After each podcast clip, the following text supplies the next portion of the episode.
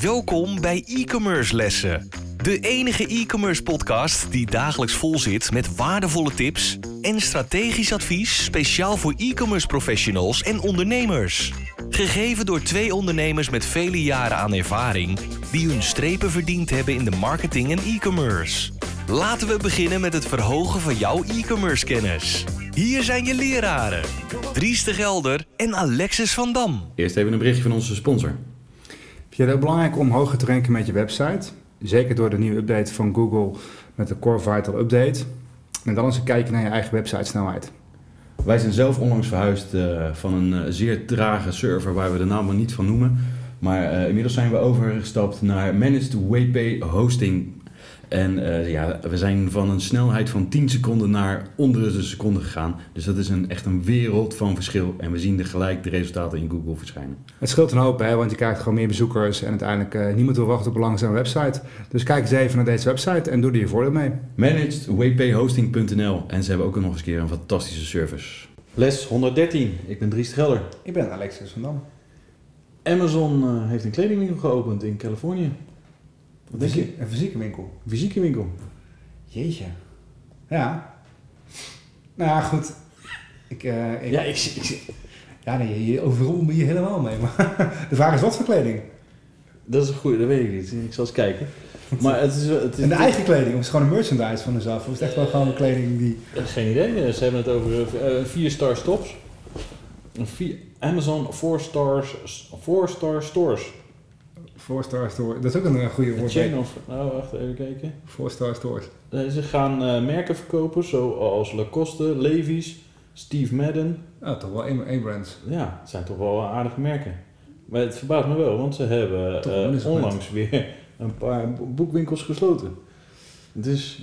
Nou ja, goed. Kijk, het betreft is natuurlijk... Uh, ik bedoel, de, de, de, het merk Amazon is natuurlijk zo aanwezig nu in, in, in, e-commerce en, en in gewoon de marketing en branding en zo. Dat je natuurlijk dat ook kan, kan stretchen en hè, kan koppelen aan van alles en nog wat. Ik bedoel, dat, dat is natuurlijk uh, het is een krachtige naam. Um, dus alleen, ja, het, het, het, wijkt een beetje af van. Uh, nou, laat ik zo zeggen, wat, wat is een strategie? World domination in a way is natuurlijk wel wat ze aan het doen zijn met, met e-commerce en retail en zo. Maar ja, wat, wat is het voordeel om je, je Steve Madden of je Lacoste polo of schoenen of wat dan ook bij, bij Amazon te kopen? Is het goedkoper? Gaat het sneller? Wat kunnen zij bieden wat die winkels zelf niet hebben of wel hebben? Hey, ik heb toevallig net weer uh, gekeken dat, uh, uh, hoe heet het, een verhaal geluisterd online over Apple. Apple, toen die gingen vertellen dat ze in de winkels gingen, uh, dat hun aandeel uh, toen echt mega gedaald is. Totdat die eerste winkel uh, geopend werd. En ik geloof dat de Apple stores meer bezoekers hebben dan, dan de Disney parken. Dus, nou, ja. Maar goed, vanuit hun snap ik het. Want ik, bedoel, ik moet ook zeggen, toen ik dat las, dacht ik ook van moi. maar vrij snel had ik wat door. dat is natuurlijk, maar dan ga je naar de, de kern van wat Apple wil. Apple wil uh, zelf controle houden over de totale beleving van A tot Z. En met zo'n winkel sluit dat 100% aan op dat. Zij kunnen de boel controleren. Het salesproces, het koopproces, het retourneren, alles. Plus, zij hebben klantgegevens, creditcardgegevens en contact met je klant. En vanuit dat perspectief, van, voor Apple 100%. Amazon, omdat ze natuurlijk alles binnen de Amazon um, uh, systeem houden, wil je het ook hebben, maar ze zijn niet ze hebben natuurlijk zelf geen producten. Ze verkopen, je kan, je eigen product op hun systeem verkopen. Dus wat, wat is hun voordeel erbij? Um, anders dan een stukje marge pakken.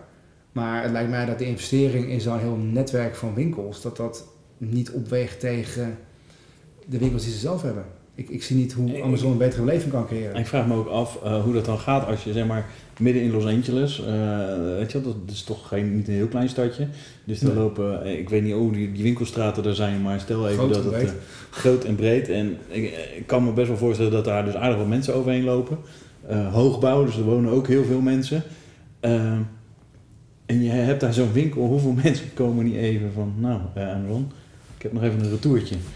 Nou ja, goed, kijk, als dat het verhaal is dat je zeg maar... uh, Zullen ze daar geen ruimte voor hebben of staat er echt iemand aan de deur van nee, sorry, we zijn hier niet voor retour? Nou, dat lijkt me niet zo denderend dan weer voor je klantbeleving uh, en, en dat hoe mensen tegen je merk gaan kijken. Als dat het idee is, omdat zeg maar... Dat denk ik niet, maar nou ja, goed, dat zou het misschien wel af kunnen roepen. Ja, uh, de vraag is, dat, dat is denk ik de kernvraag waarom Apple wel succesvol is en overigens Microsoft en Samsung een stuk minder succesvol zijn. En Google is geloof ik ook bezig geweest of probeert ook met winkels.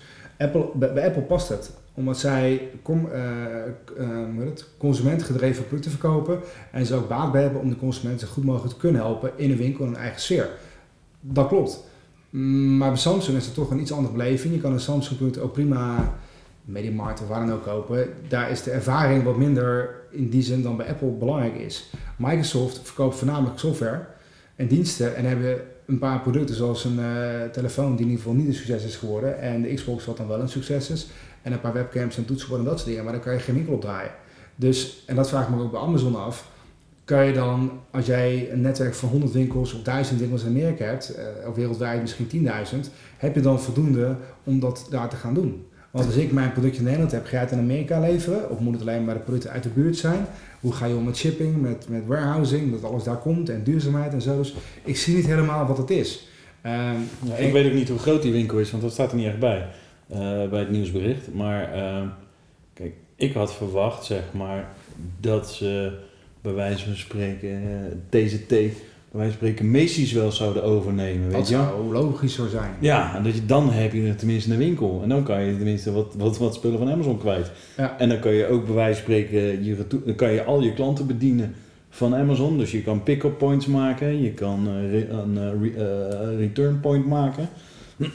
en dan kan je je winkel nog inrichten met 100.000 producten. Dan, dan zou het logisch zijn. Dan heb je feite. Dat, ja, dat had ik ook eerder verwacht. Je, je, fysieke, je, je, je, online winkel maak je dan fysiek. En dat misschien niet alles voorraad is, maar dan wordt het wel nageleverd of zo. Dat kan me voorstellen. Hoe lang zou het duren, denk je? Wat? Voordat ze uh, Macy's overnemen. Nou ja, Macy's staat er niet enorm. Uh, die kan ook wel wat, uh, wat cash of liquiditeit gebruiken. Ja, ik weet het niet. Ik snap niet dat ze dat niet doen. er is vast wel. Ik denk dat daar ook een competitieregeling in zit, dat het dan te grote macht wordt dat is een probleem met, met, met Amazon. Dat ze hebben nu zoveel power dat, dat ook in Amerika, je moet wel met, daar een beetje natuurlijk wel met, binnen de perken blijven. Ik denk niet dat ze dat eigenlijk mogen. Want dan ben je online de grootste en dan ben je offline ook bijna de grootste. Kijk, stel Walmart en, en, en Amazon zouden fuseren, maar dat zal nooit mogen. Dan heb je gewoon heel retail, wat 80% van de retail in Amerika, nou misschien niet een beetje overschat, maar is in handen van één fusiepartij. Dat, dat zal niet kunnen. Um, net zo goed als Albert Heijn en Jumbo en ook niet mogen fuseren, want dat zou ook uh, concurrentie te, laag worden daarop. Dus dat vraag ik me af. Dus dat zal de reden zijn waarom ze het niet hebben en niet kunnen en niet mogen misschien. Maar terug naar het idee, um, je ziet tegenwoordig steeds meer een trend dat fabrikanten van aanmerken willen dat je bij hun koopt. En zij willen eigenlijk af van die, die tussenpartijen in die marktplaatsen. bijvoorbeeld, wat een nou, aardig voorbeeld is er dan bijvoorbeeld van Dyson. Stofzuigers en föhn, zeg maar. Best wel duur geprijsd premium producten. Zijn ook mooie producten, mooi design en zo. Uh, maar die zeggen actief, koop het van de fabrikant. In alle advertenties. Radiospots en op internet, koop het bij de fabrikant direct. Oftewel, ga niet in de Mediamarkt, ga niet naar andere partijen, koop bij ons. Ja. Waarom? Marge? Ja, pakken ze meer marge. Ja, maar, hoe heet het? Wat zou jij nou doen als Mediamarkt zijn? Dan flik je toch dat merk eruit? Dat bestaat niet zo lang meer hoor. Die hebben een eigen dood van ons getekend. Ja, nou, maar ik doe het ook. Uh, Wie? Ik. Okay. En, en, er zijn er meer van die partijen die doen. waarom? Het begint, dat begint voor mij ook een trend te worden. Dat fabrikanten zeggen, ja... Um, want, ja, maar eerst hebben ze gewoon al die landschappen nodig gehad. Ja. Maar die winkels die blijven heus wel bestaan hoor. En uh, die gaan dadelijk, die, of ze gaan dadelijk met eigen winkels komen, dan gaan ze heel langzaam failliet. Uh, of ze hebben, want ze verliezen gewoon die markt. Want als ik dadelijk in zo'n, ik ga bij wijze van spreken naar de mediemarkt, dan spreek zo'n verkoper aan. En welk product moet ik nou hebben? Ja, maar goed. Ik kijk of op ja, kies... je een dagje ouder geworden. Nee, maar ja, ik kijk of op kieskeurig, uh, of nee, de Consumentenbond. Ja. Weet je wel, voor een product. Nou, daar komt Dyson al niet zo goed uit. Uh, dus dan ga, je, dan ga je naar de mediamarkt en dan spreek je zo'n vent. En dan zeg je, nou, welke stofzuiger moet ik nou hebben? Nou, nou zo'n Dyson moet je niet nemen. Ik heb inmiddels, inmiddels gekozen voor Bosch, die vind ik een stuk blijer over overigens. Maar... Nee, oké, okay, maar weet je ja. de, die, die gooi je echt een eigen glaas in en die krijgen die markt niet meer terug.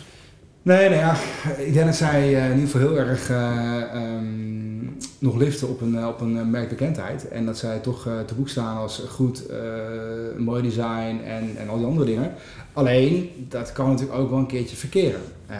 en dat is natuurlijk iets en het is, het is een strategie die ze gekozen hebben, omdat denk ik, zij bedacht hebben van wij zijn als merk sterk genoeg, wij kunnen dit. En ik denk dat de redenatie ook is voor heel veel van die bedrijven die zo groot zijn, ze hebben natuurlijk allemaal een eigen webshop.